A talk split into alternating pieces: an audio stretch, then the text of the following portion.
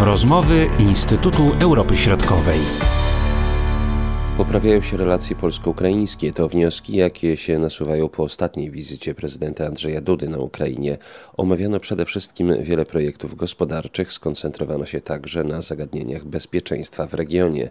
Jak ocenia starszy analityk w zespole Europy Wschodniej Instytutu Europy Środkowej, dr Marta Drabczuk, była to ważna wizyta, a o jej znaczeniu będzie świadczyć realizacja omawianych przedsięwzięć wizyta była takim ważnym krokiem w odmrożeniu tego negatywnego trendu we wzajemnych relacjach polsko-ukraińskich, który ostatnio niestety miał miejsce. Jeżeli chodzi o, y, ocenę wizyty, oczywiście rozpatrywałabym to na trzech właściwie takich płaszczyznach. Z jednej strony, jeżeli chodzi o taką e, tą warstwę symboliczną, była to bardzo ważna wizyta. Zresztą było widać po atmosferze, która panowała, e, że prezydenci dobrze się czuli w swoim towarzystwie, żartowali, byli uśmiechnięci, więc zupełnie jakby inna atmosfera spotkania niż e, spotkanie, załóżmy to poprzednie w 2017 roku, kiedy rzeczywiście podczas wizyty prezydenta Polski w Charkowie, kiedy no, ta wizyta poprzednia przebiegała w takiej atmosferze bardzo ponurej. Ta natomiast była z taką bardzo pozytywną nutą i z taką chęcią jednak do przełamania pewnych tych trudnych spraw we wzajemnych relacjach. Kolejna warstwa tej wizyty to jest ta warstwa polityczna i ona jest bardzo ważna ze względu na to, czy może szerzej geopolityczna.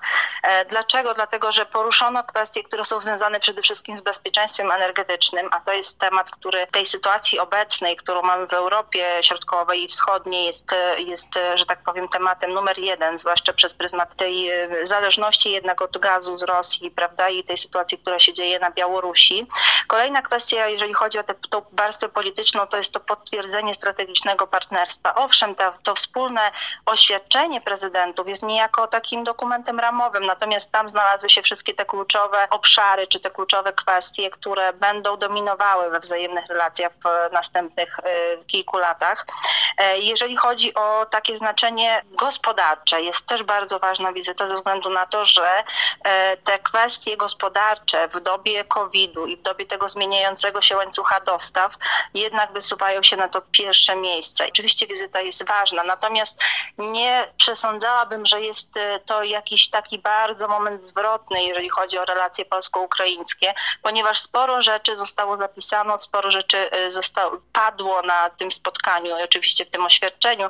Natomiast dobrze by było, żeby teraz te wszystkie wszystkie kwestie teoretyczne przełożyć na e, realne programy, na realne zadania, które oba rządy będą miały do spełnienia. Jeśli chodzi o kwestie bezpieczeństwa, padły sformułowania związane z e, no, integralnością państwa ukraińskiego i z tym, że państwo polskie nie godzi się na okupację Krymu. Jak e, te sformułowania zostały odebrane na Ukrainie? Jest ważną kwestią też dla Ukrainy, że Polska jako ten najbliższy sąsiad nie uznaje działań agresji rosyjskiej i też jakby będzie wspierał y, w dalszym e, ciągu Ukrainę w tej walce o y, odzyskanie y, swoich terenów.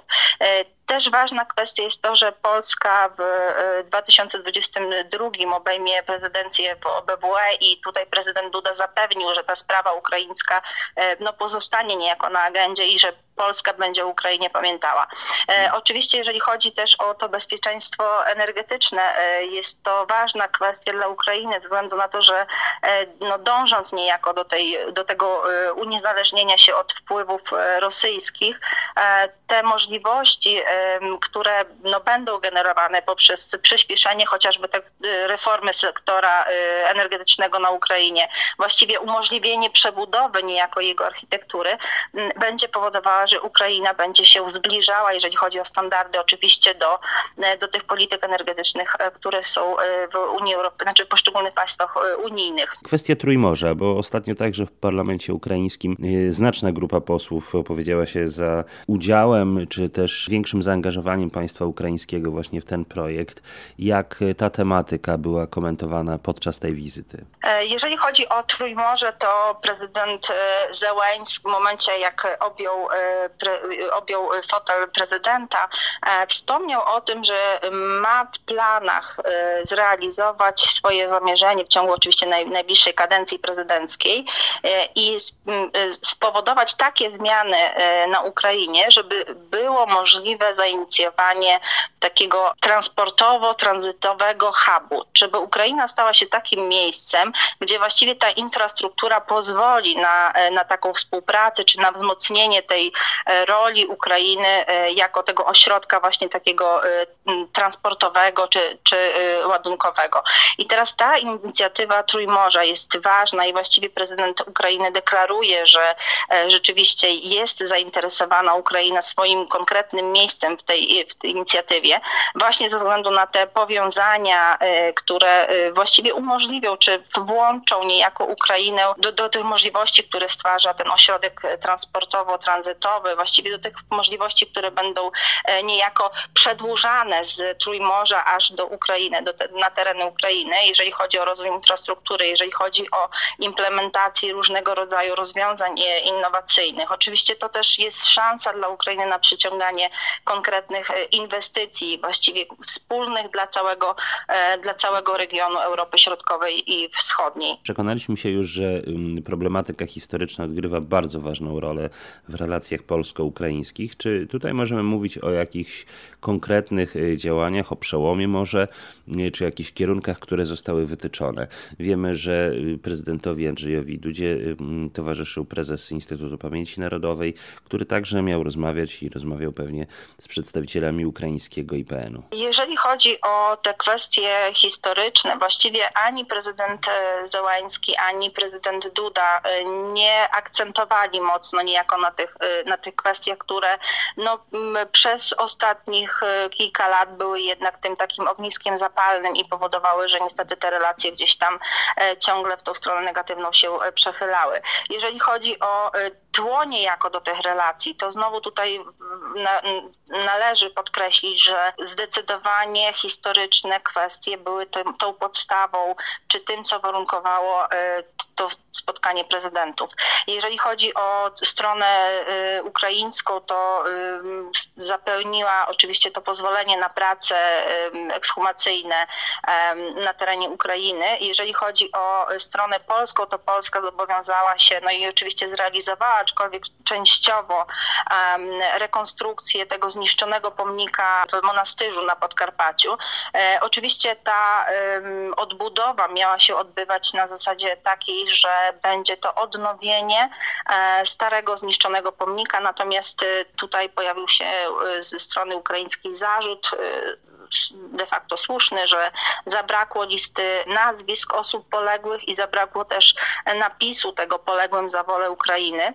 E, natomiast wydaje mi się, że w ramach tej całej um, um, trzydniowej wizyty te kwestie historyczne niejako były gdzieś trochę tłem do pozostałych rozmów i tutaj zdecydowanie rozmowy um, polityczno-gospodarcze e, i, i geopolityczne wzięły e, górę. Kwestie historyczne oczywiście no, po raz pierwszy właściwie e, zostały też e, w, agendzie rozmów podczas spotkania ujęte. E, tak jak wspominałeś, prezes Instytutu Pamięci Narodowej Polski Jarosław Szarek rozmawiał z przedstawicielami ukraińskiego IPN-u. Te rozmowy oczywiście są ważne dla obu narodów z racji tego, że będzie, jak podkreślili obaj prezydenci będą dążyć do e, takiej prawdy historycznej, która y, oczywiście jest bolesna, jest być może momentami bardzo trudna, aczkolwiek jest takim konkretnym etapem w budowaniu y, tej pamięci historycznej po obu stronach w taki sposób, żeby był zgodny z poszanowaniem dla historii i dla pamięci tych osób, które tą historię y, kształciły. Tak na podsumowanie, bo tutaj jest szereg planów, szereg różnych inicjatyw, o których mówili obaj prezydenci planów gospodarczych, na ile one mogą być opóźnione bądź też zweryfikowane w związku z pandemią koronawirusa, z którą musimy sobie radzić? Jeżeli chodzi o y, stronę ukraińską, to myślę, że sytuacja gospodarcza Ukrainy jest y, trudna i tutaj nie mam na myśli tylko wyłącznie tych y, turbulencji wokół budżetu Ukrainy. Tutaj mam na myśli również te kwestie finansowe, które częściowo niejako na szczycie, który się odbywał Unia Unia Europejska, Ukraina, no były gdzieś tam poruszane, prawda? I to są kwestie, które są związane z korupcją, to są kwestie, które są związane z wyhamowaniem częściowym oczywiście reform. To są te problemy, które niejako rzutują na gospodarkę ukraińską. Gospodarce ukraińskiej trudno będzie sobie poradzić, czy przejść przez ten okres pandemii. Oczywiście pandemia trochę zmieniła oblicze tej gospodarki światowej, więc to nie jest tak, że tylko Polska i Ukraina mocno odczuwają e, te zmiany. Jeżeli chodzi o te deklaracje, które padły podczas spotkania prezydentów, to generalnie ta pandemia, czy niejako y, sektory gospodarki, które no, są przeznaczone, czy są wskazane do współpracy, będą współpracowały ze sobą e, zarówno w okresie pandemii, jak i po. Jeżeli chodzi o tą konkretną y, korzyść, którą ta wzajemna współpraca ma przynieść, to jest właściwie rozwój rynków, zarówno polskiego, jak i ukraińskiego. E, I tutaj ważnym aspektem jest ten kontekst funkcjonującej obecnie, ale, ale też tej, która będzie zmieniana czy będzie aktualizowana. Mam na myśli pogłębioną e, strefę e, wolnego handlu między Unią Europejską a Ukrainą, ponieważ otwierają się nowe możliwości, które są związane z, z postanowieniami właśnie szczytu Unia-Ukraina o bezwizowym reżimie przemysłowym, czyli takim porozumieniem, za pomocą którego e, produkty ukraińskie, przemysłowe będą dopuszczane na rynek europejski bez potrzeby przejścia dodatkowej certyfikacji.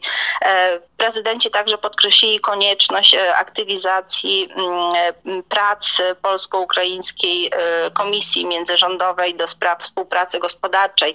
To też wskazuje na to, że współpraca gospodarcza będzie umieszczana w, w tej randze współpracy międzyresortowej, co też jest bardzo ważne, ponieważ e, będzie generowała niejako nowe możliwości e, i mam nadzieję, że ta pandemia koronawirusa, która generalnie ma wpływ na, na ten ład e, globalny i regionalny, będzie możliwa do przełamania czy do przezwyciężenia na tym poziomie, e, poziomie e, międzypaństwowym, ponieważ zawsze, jeżeli myślimy e, globalnie, to najlepiej, żebyśmy działali lokalnie i wtedy rzeczywiście pewne sukcesy w implementacji wspólnych projektów przełożą się na dobre relacje gospodarcze przyszłości. Miejmy nadzieję, że tak się stanie i że po tym czasie nie najlepszym w relacjach polsko-ukraińskich, mówiąc bardzo delikatnie, wchodzimy w nowy okres, który przyniesie korzyści, stabilizację i też pomoże pewnie państwu ukraińskiemu we wzmocnieniu się